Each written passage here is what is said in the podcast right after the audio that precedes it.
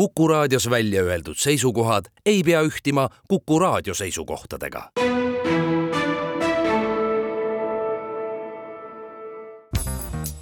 järjejutt. Jean-Francois Marmion, rumaluse psühholoogia, kirjastuselt tänapäev. järjejutt. terve mõistus on maailmas kõige võrdsemalt jaotatud asi, on kirjutanud Descartes. aga kuidas on lood rumalusega? seda võib immitseda või tilkuda, niriseda või pahinal voolata, aga see on kõikjal olemas, ilma piirideta ja piiranguteta. mõnikord ilmneb see kergel kujul, peaaegu talutavana. teistel puhkudel iiveldama ajava, seisva veega soona. Ja muudel puhkudel maavärina, tormi või tõusulainena, mis neelab oma teel kõik alla purustades, jalge alla tallates ja määrides kõike ettejuhtuvat. ükskõik, mis kujul rumalus ka ei esineks, tabab see meid kõiki. kuulujutud räägivad, et rumaluse allikaks oleme meie ise. mina pole siin erand. Lollusi näevad, kuulevad ja loevad kõik iga jumala päev samal ajal oleme igaüks süüdi ka selle tekitamises. mõtleme sellele, mõtiskleme sellest, räägime sellest kõval häälel. me oleme kõik aeg-ajalt idioodid, tuues igapäevast elu elades kuuldavale mõttetusi ja teeme seda ilma suuremate tagajärgedeta. Oluline on olla sellest teadlik ja seda kahetseda sest eksimine on inimlik ja oma vigu tunnistades oleme poolel teel nende andeks saamisele. alati leidub neid, kes meid rumalaks peavad, kuid ise tunneme oma rumaluse ära liigagi harva. peale pideva nurruva idiootsuse, mis meid päevast päeva ümbritseb, on kahjuks olemas veel rumaluse meistriklass, rumaluse kuningate põhjustatud müürgav lärm Need on sitapead suure algustähega. Need sitapead, kellega puutute kokku nii tööl kui ka kodus, ei mõju teile anekdootlikena. Nad tülitavad ja ahistavad teid oma juhmaka, õigustamatu arrogantsusega. Nad õilmitsevad oma põikpäisusega annavad oma nõusoleku ametlikele dokumentidele ja kriipsutavad ühe suletõmbe ja südamerahuga läbi kõik teie arvamused, emotsioonid ja väärikuse. Nad õõnestavad teie moraali ja panevad teid kahtlema, kas selles nurjatusmaailmas saab üldse mingit õiglust olla. ükskõik kui väga te ka ei püüaks, ei suuda te endal ja neil näha mingit ühisosa rumalus, on lubadus intelligentsuseks ja usalduseks, mis on jäänud täitmata meie keskel olevate idiootide, inimsuse reeturite poolt. Need jobud on nagu tummad elajad. Nad on täielikud loomad. meil võib ju olla soov neile vastu tulla, neist oma sõbrad teha, kuid nad pole sellisel tasemel, see tähendab meie tasemel. Nad kannatavad haiguse all, millele puudub ravi. ja kuna nad keelduvad end tervendamast veendumuses, et on ühesilmsed kuningad pimedate maal, siis muutub tragikomöödia täielikuks. Pole ime, et inimesi vaimustavad zombid nende kehastatava eksistentsi intellektuaalne tühjus ja põhjapanev tohutu vajadus tirida elavad, kangelaslikud ja lihtsad viisakad inimesed alla enda tasemele. ja sellel on jumet. idioodid, nagu zombidki, tahavad süüa teie ajusid. Need läbikukkunud inimolendid ei äpardu teiega suheldes kunagi kõige hullem on, et mõnikord võivad nad olla intelligentsed või vähemalt end sellisena näidata. Nad on nii osavad muundama õppimise piirjooni puurivõredeks, et põletaksid rõõmuga raamatud koos nende autoritega mingi ideoloogia või mõnelt väidetavalt mõttetargalt idiootliku või siis mitte õpitu nimel.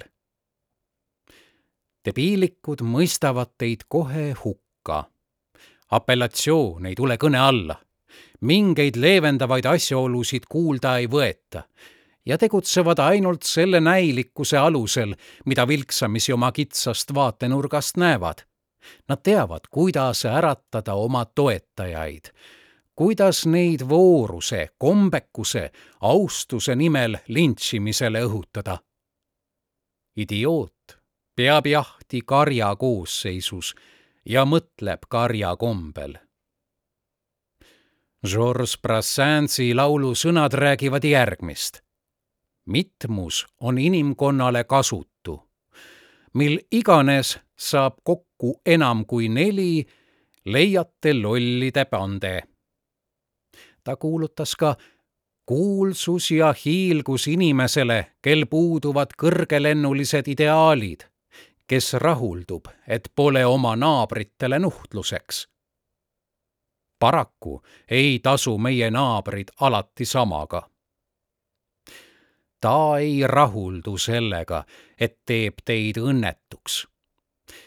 Ärritavalt mõjuv idioot on endaga ülimalt rahul, kõigutamatult. ta on immuunne eneses kahtlemise suhtes. ta on veendunud oma õigustes. õnnelik imbetsil trambib pikemalt mõtlemata teie õigused jalge alla. rumal inimene peab oma veendumusi marmorisse raiutud tõdedeks, samas kui kõik tõelised teadmised on kirjutatud liivale. ebakindlus ajab hulluks. kindel teadmine teeb rumalaks. Teil tuleb valida, kumba leeri kuulute. sitapea arvab, et teab teist paremini ta ei tea mitte ainult, kuidas peaksite mõtlema, tundma ja mida oma kümne sõrmega tegema, ta teab ka, kuidas peaksite hääletama. ta teab paremini kui teie, kes te olete ja mis teile parem on. kui te temaga nõus pole, siis põlgab ta teid, solvab teid ja asub nii kujundlikus kui ka sõna tõsises mõttes teid ründama ja seda teie enda huvides. Ja kui ta saab seda teha mingi kõrgema ideaali nimel, siis ei kõhkle ta rünnata saasta, mida teie olemasolu temale tähendab, ja teeb seda täiesti karistamatult. siinkohal kibe tõde. õigustatud enesekaitse on lõks kui püüate idioodiga midagi arutada või tema arvamust muuta, siis olete kadunud. sel hetkel, mil otsustate, et teie kohus on idiooti järele aidata, hetk, mil mõtlete, et teate, kuidas ta peaks mõtlema ja tegutsema, muidugi nii nagu teie, on teie plaan läbi nähtud. just nii ongi nüüd olete teie idioot ja naiivne pealekauba, kuna arvate, et suudate sellega hakkama saada. veelgi hullemaks läheb. mida enam püüate idiooti ümber kasvatada, seda tugevamaks ta muutub. talle teeb rõõmu näha ennast ohvrina, kes paneb teisi ärrituma ja kel peab sel põhjusel olema õigus teda noomides lasete tal tõsimeeli uskuda, et ta on antikonformistist kangelane, keegi, keda tuleks kaitsta ja imetleda, vastupanuliikumise hulka kuuluja. värisege selle needuse vägevuse ees. kui püüate debiilikut ümber kasvatada, siis te mitte ainult ei ebaõnnestu, vaid muudate ta tugevamaks ja julgustate ta jäljendajaid enne oli vaid üks debiilik, nüüd on neid kaks. Rumaluse vastu võitlemine annab rumalusele vaid jõudu juurde. mida enam koletist ründate, seda enam hingesid ta õgib. seega pole olemas võimalust, et rumalus oma jõu kaotaks. rumalus on eksponentsiaalne kas elame tänasel päeval eilsest rohkem ja vähem kui homme idiootsuse kuldajastul? Niikaua, kui kirjalikud ülestähendused on eksisteerinud, on oma ajastute suurkujud uskunud, et nii see on. võib-olla oli neil omal ajal õigus, kuid jällegi, ehk olid nad nagu kõik teisedki lihtsalt vanad narrid sellest hoolimata seisneb tänapäeva uudsus faktis, et piisab vaid ühest idioodist, kelle valduses on punane nupp ja on võimalik välja juurida kogu rumalus ja koos sellega terve maailm.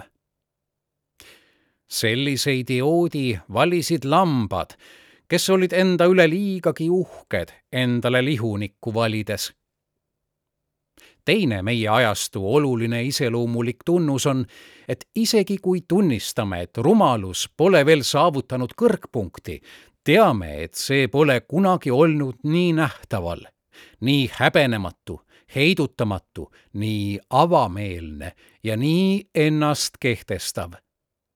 teisest küljest, kes teab, innustab see võib-olla filosoofia poole pöörduma võttes arvesse, kui raske on viimasel ajal eitada kõige tühisust ja kõigi nartsissismi, rääkimata näilisuse absurdsusest ja üldistavate järelduste prevaleerimisest. kui ometi mõni teine Erasmus kirjutaks meile uue narruse kiituse, kuid kahesaja kaheksakümne tähemärgiliste sööstudena, et säästa meid migreenidest kui ometi kerkiks esile uus Lucretius, et tuua meile kergendust ja ehk ka rõõmu, mida võiksime nautida ohutult kaldal, sellal kui narride laev vajub keerises põhja, saboteerituna reisijatest, kes uppudes appi hüüavad. Nagu ahne gurmaan limpsiksime huuli väljavaate peale saada sellist ihaldusväärset nektarit lollide sõda ise keskis. kuklakarvad turris, egod löögi valmis. suured mõistused mõtlevad sarnaselt. väikesed mõistused põrkuvad kui pingutate, et selle võitlustseeni juures vaid pealtvaatajaks jääda, ei tohiks te uisapäisa kujutleda, et olete rumalusest vähem haavatavad kui teie kibestunud, kisendavad, õnnetud, ärevil kaasaegsed. kuid kui teil juhuslikult õnnestub oma õigusele kinnitust saada, siis milline võit? targem on olla tagasihoidlik. kui püüate tõusta rahvasummast kõrgemale, siis seda teile ei andestata. põgenege karjast ja teid toimetatakse tapamajja. uluge koos huntidega, määgige koos lammastega, kuid ärge tehke iialgi midagi üksinda. kõik hakkaksid kaebama. igaühele meeldib süüdistada. ütlematagi on selge, et kui peate end tõepoolest targemaks ja imetlusväärsemaks suvalisest keskmisest inimesest, on saatuslik diagnoos käepärast. Te ise olete suurima tõenäosusega rumaluse kandja, kel sellest aimugi pole.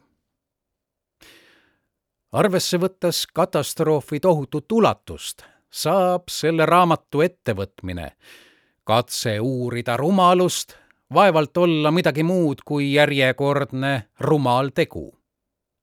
sellise teema käsilevõtmine tähendab paljastada, et olete jultunud, liigutavalt naiivne või siis vähemalt eriti rumal. ma olen sellest täiesti teadlik, kuid on aeg, et üks julge idioot asja ette võtaks kui on väheke õnne, osutub see ettevõtmine kõigest naeruväärseks. ja naeruvääristamine pole fataalne. kuid rumalus on. ja see elab meist kauem. igatahes matab rumalus meid enda alla. tähendab, siis kui ta meile hauda ei järgne. ja lõpuks veel üks fakt Need mõtisklused rumalatest ei piirdu liigi meesolenditega. leidku naissoost rumalad sellest lohutust. kummalgi sugupoolel pole rumaluse monopoli. ja seega kuulutan, oo igat sorti idioodid ja kõiksugused lollpead, egoistid ja mõrrad, sõbralikud tobud ja totrad tolvanid, räpased kaabakad ja vastikud mölakad, haletsusväärsed hädapätakad ja õelad närukaelad, ohmud ja haned, juhmardid ja totud, vaesed päevavargad ja eblakad naisterahvad, tühmid ja tühipead, nõmedikud ja tölbakad, tummahambad ja kilplased, imbetsillid, tohmanid, ajukääbused nüripead, tühjad kohad, puupead, ümmargused nullid, tolad, tobud, nürid pliiatsid, märatsevad sitapead, tühipäised matsid, persevestid, tuimukesed, lontrused, ullikesed, töllmokad, tüütused ja lobamokad. see on teie hiilgehetk. see raamat kõneleb vaid teile. kuid te ei tunne end ära. inimesed, kelle intelligentsus näib ilmne, tekitavad mõnikord nördimust, kui võtavad täiesti tõsiselt omaks ideed, millel puudub igasugune alus või mis on kinni ebausutavates teooriates. on õige, et intelligentsusel pole universaalset definitsiooni põhjus on arvatavasti selles, et see sõna toob silme ette erinevaid võimeid. ajaloost leiame rohkelt näiteid inimeste kohta, keda kõik pidasid intelligentseteks eri valdkondades, alates teadusest ja tehnoloogiast kunstide või filosoofiani välja. toetudes intelligentsuse definitsioonile, mille kohaselt on see võime arutleda, planeerida, probleeme lahendada, abstraktselt mõelda, saada aru keerulistest ideedest, kiiresti õppida ja õppida kogemustest, järeldas kuuekümne kolme uuringu metaanalüüs, et intelligentsed inimesed kalduvad vähem uskuma religiooni mõttes kui teised seetõttu näib loogiline, et kõrgema intelligentsusega õnnistatud inimestel on suurem võimalus end uskumuste eest kaitsta. selleks, et defineerida väga kõrge koefitsiendiga intelligentsust, on kasulik mõelda mõne inimese hämmastavale võimele jätta selja taha oma ajastust tingitud takistused ja eeskujud, teha pigem midagi uut, kui rahulduda domineerivate arusaamadega. Galileo, Darwin, Einstein, aga ka Kant ja Descartes suutsid mõelda teistmoodi kui nende kaasaegsed. Nad seadsid kahtluse alla levinud arvamused ja lihtsakoelised põhjendused. Nende puhul kaasnes intelligentsusega kriitiline mõtlemine, võime osutada intellektuaalset vastupanu domineerivale teatud mõttes ideoloogiast läbi imbunud diskussioonile ja üldisemalt kõikidele dogmatismi vormidele.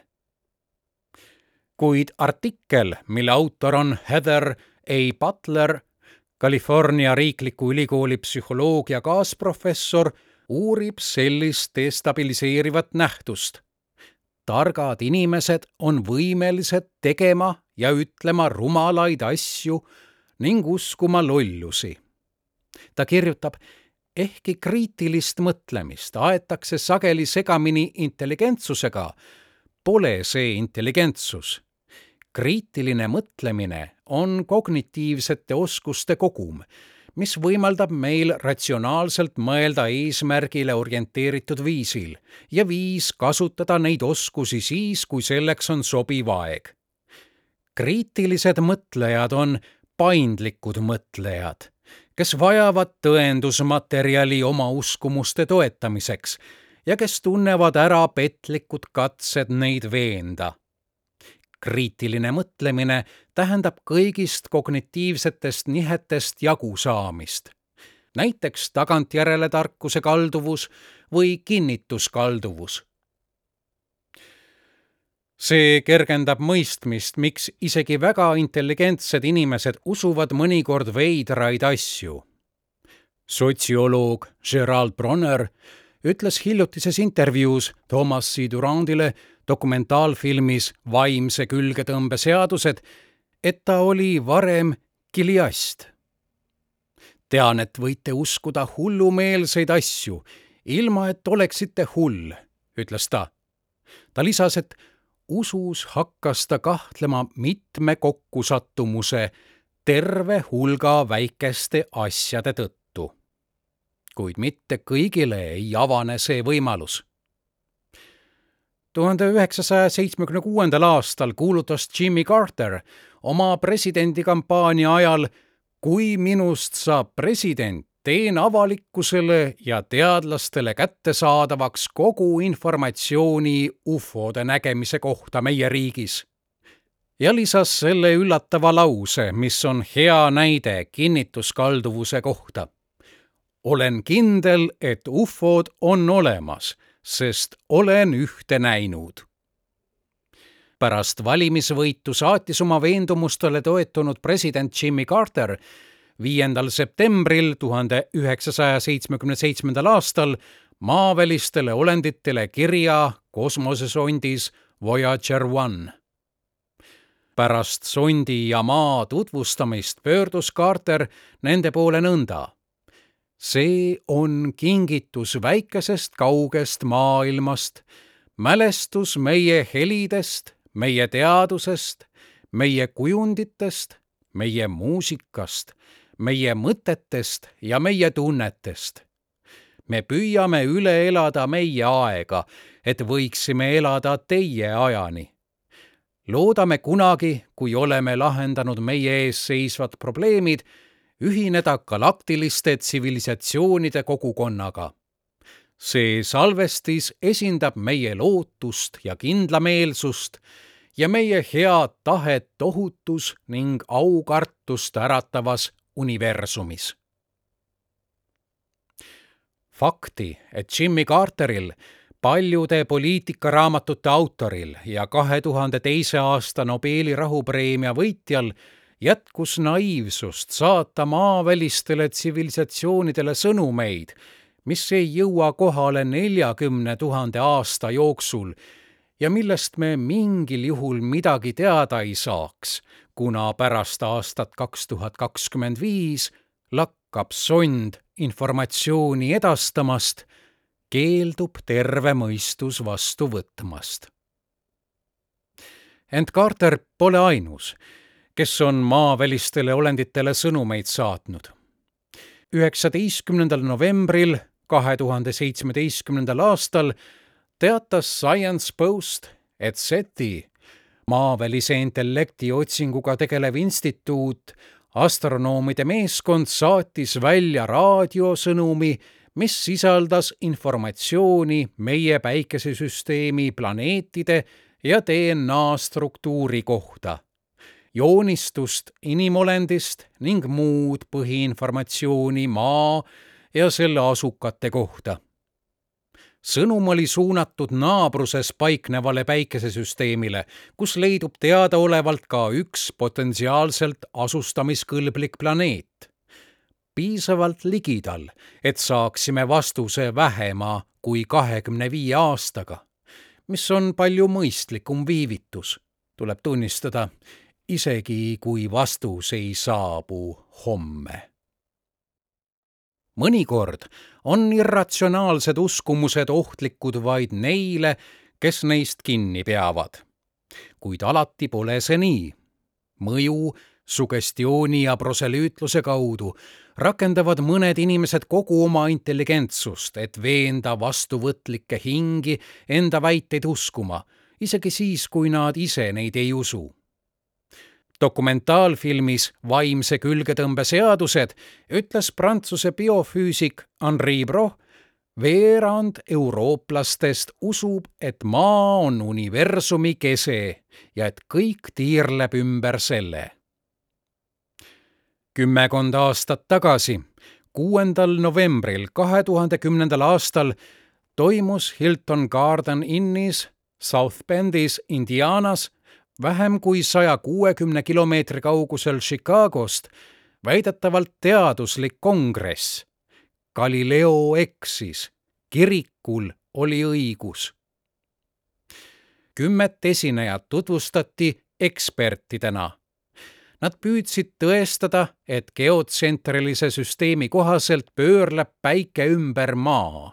ehkki Koperniku, Galileo Kepleri ja Newtoni aegadest peale on teadus tõestanud, et Maa ja teised planeedid tiirlevad heliotsentrilise süsteemi järgi, Päikese ümber. kongressi alapealkiri oli paljulubav. see oli esimene iga-aastane geotsentrismile pühendatud katoliiklik konverents. doktor Robert Sangenis avas konverentsi kõnega, mille pealkirjaks oli geotsentrism. teatakse, kuid varjatakse. võttes käsile üha uuesti esile kerkiva teema, vandenõuteooriad. teised kõnelejad nagu doktor Robert J Bennett ja doktor John Salza kuulutasid välja samavõrra hämmastavad teemad.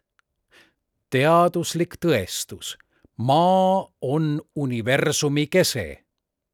sissejuhatus geotsentrismi mehaanikasse ja teaduslikud eksperimendid näitavad, et maa on statsionaarselt universumi keskmes. Nende kvalifikatsioon oli udune. näiteks Robert J Bennett, konverentsi kaasorganisaator, nimetas end üldrelatiivsuse doktoriks. Robert Sangenis oli presidendiks mingis asutuses nimega Rahvusvahelised katoliiklikud apologeedid ning paljude teoloogiat, teadust, kultuuri ja poliitikat puudutavate raamatute ja artiklite autor.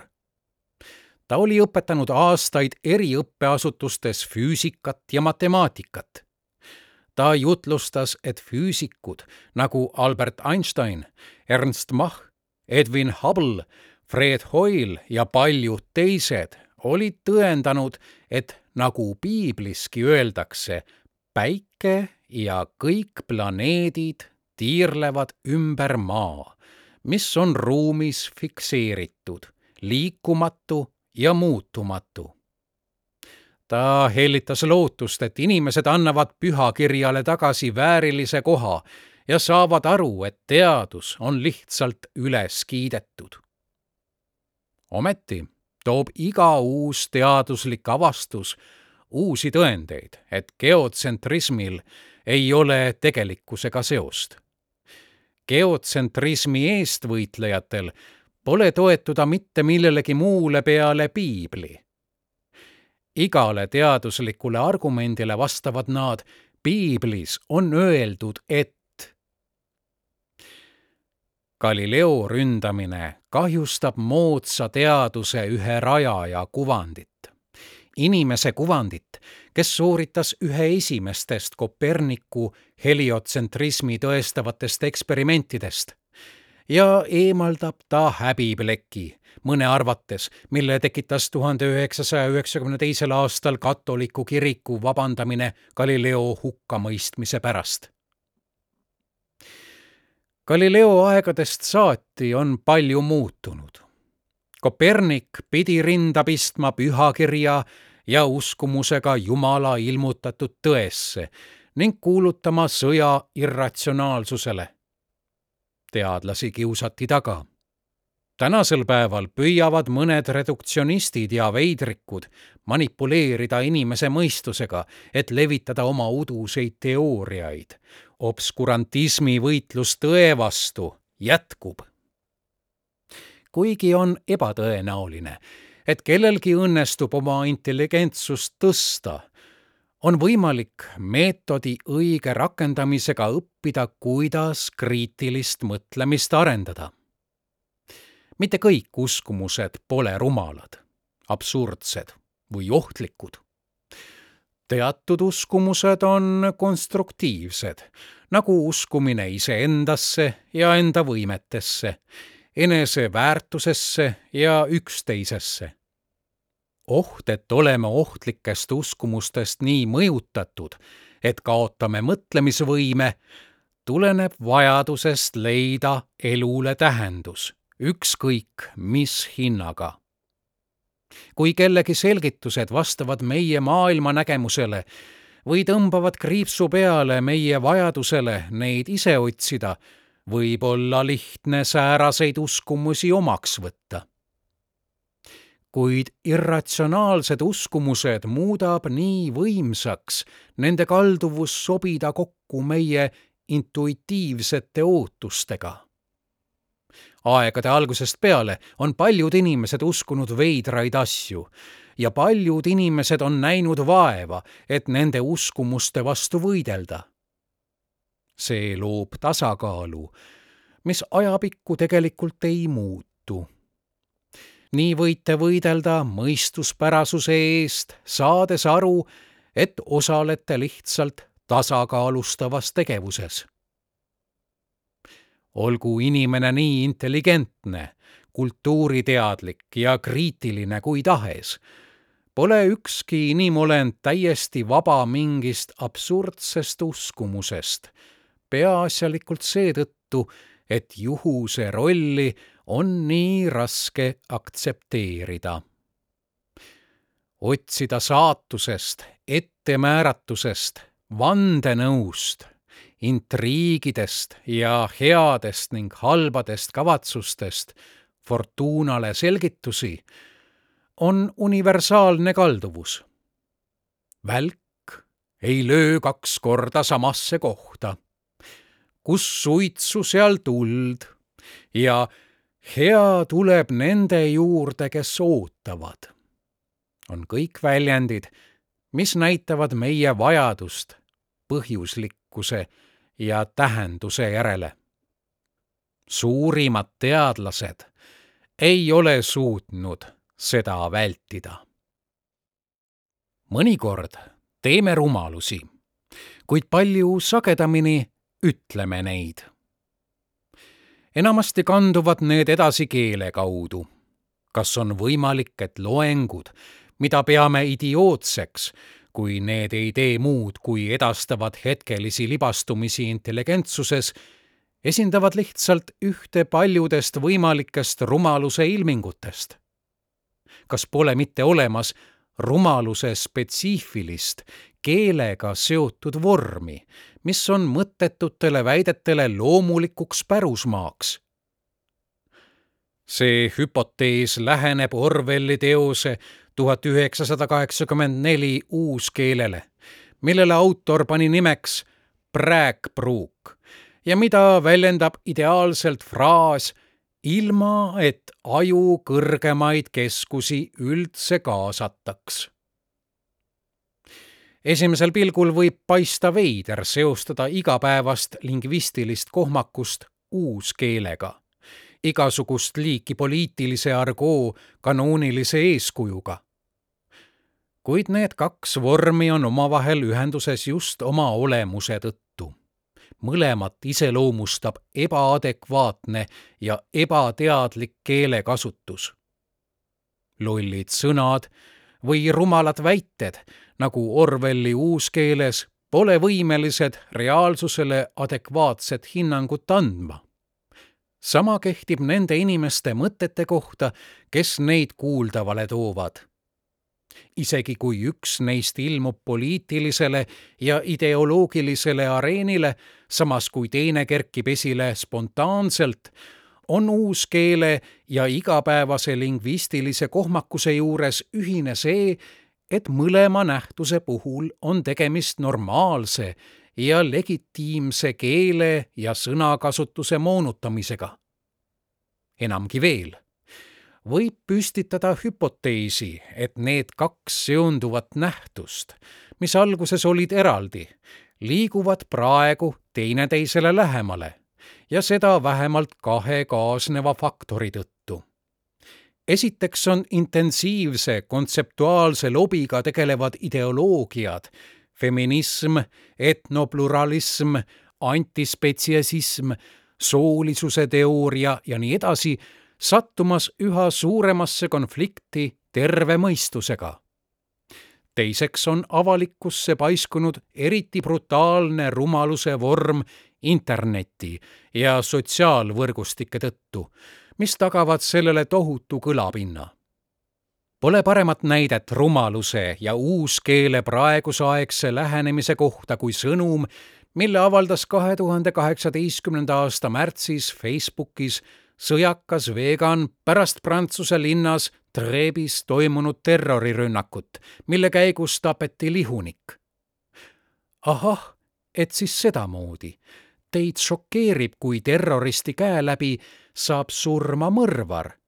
mind mitte mul puudub ta vastu igasugune kaastunne. see on isegi mõneti õiglane.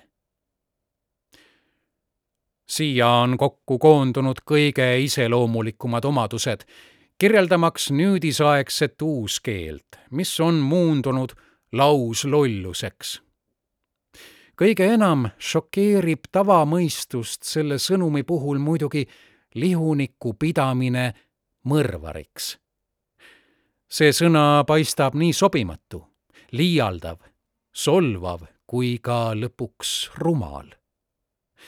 See kuulub samasse kategooriasse nagu sõna peded, mida hiljuti kasutas väljaspool eetrit üks spordikommentaator, kirjeldamaks Prantsuse klubi solvanud Saksa jalgpallimeeskonda inimeste öeldavad rumalused moodustavad eelkõige omamoodi võltsfassaadi ja neil sõnadel on sageli juures liialduse varjund. Nad ei vasta nende tavatähendusele ega ka referendile, keda, mida need on tähistama mõeldud. ent see pole sama, mis valetamine, sest inimesed, kes rumalusi ütlevad, ei kavatse tegelikult kedagi petta. Nad lasevad lihtsalt auru välja muidugi teevad nad seda tõest raasugi hoolimata. samas ei pretendeeri nad tõsiseltvõetavusele. see tähendab, nad ei arva, et neid sõnast võetakse. see viimane asjaolu võib esmapilgul näida eristavat nende rumalust, kes kasutavad uuskeelt nende isikute rumalusest, kellele on iga sõna vastupidi oluline, sest see väljendab tugevat veendumust vaadakem lähemalt, mis siin aset leiab. Nimetades mõrvariks terroristi ohvrist lihunikku, pole veganist sõdalane kindlasti teadlik, et ta ütleb midagi rumalat. hoopis vastupidi, ta kasutab sõna tavatähendusest lahknevalt täie teadmisega selle kaudu annab ta ägedalt edasi leksikaalset ümberkohandamist, mis tema hinnangul muudab keele tõepärasemaks ja suuteliseks paremini reaalsust peegeldama. tema silmis on loomade tapmine objektiivselt mõrv ja seetõttu on õige nimetada loomade tapjat mõrvariks, isegi kui selle sõna paikapidavus pole kõigile ilmselge samasugust lähenemist kasutades võiksite näiteks väita, et orjaajal ei peetud ka orja tapmist mõrvaks. nii vaadatuna oodataks pealtnäha kohutava sõna mõrvar kasutamiseks lihuniku kohta vaid, et see uus tähendus hiljem üksmeelselt heaks kiidetaks. selline hüpotees on usutav vana keele muundumises, eriti mis puudutab sõnade tähendusi, võib uus keel paljudel juhtudel näida edasiminekuna. kuid kas siin on ikka sellega tegemist? ilmselgelt mitte. esmalt lihtne fakt, et meie päevil ei tapa lihunikud loomi. seda tehakse tapamajades. lihuniku töö on lõigata lihakehad steikideks, fileedeks ja nii edasi. seetõttu ei ole mõrvar täpne. see on leksikaalses mõttes kohatu sõna. siin puudutame asjaolu, mis loob tiheda osaduse ideoloogiakeele ja rumaluse keele vahel. Taustsüsteemis toimub nihe, mis kruvib sõnad lahti, kui lubate nii väljenduda, nende suhetest reaalsusega ehkki me keele ebakorrektset kasutamist päris valetamise kategooriasse paigutada ei saa. Prantsuse televisiooni idioodist spordireporter ei usu sugugi, et ta lemmikmeeskonna vaenlased on tegelikult kõik homoseksuaalsed. Mis puudutab üllameelset sõjardit, siis temale ei tulnud pähegi, et lihunik kelle ta hukka mõistis, polnud tõenäoliselt kunagi ühtegi elusolendit tapnud. järjejutt. Jean-Francois Marmion, rumaluse psühholoogia, kirjastuselt tänapäev. järjejutt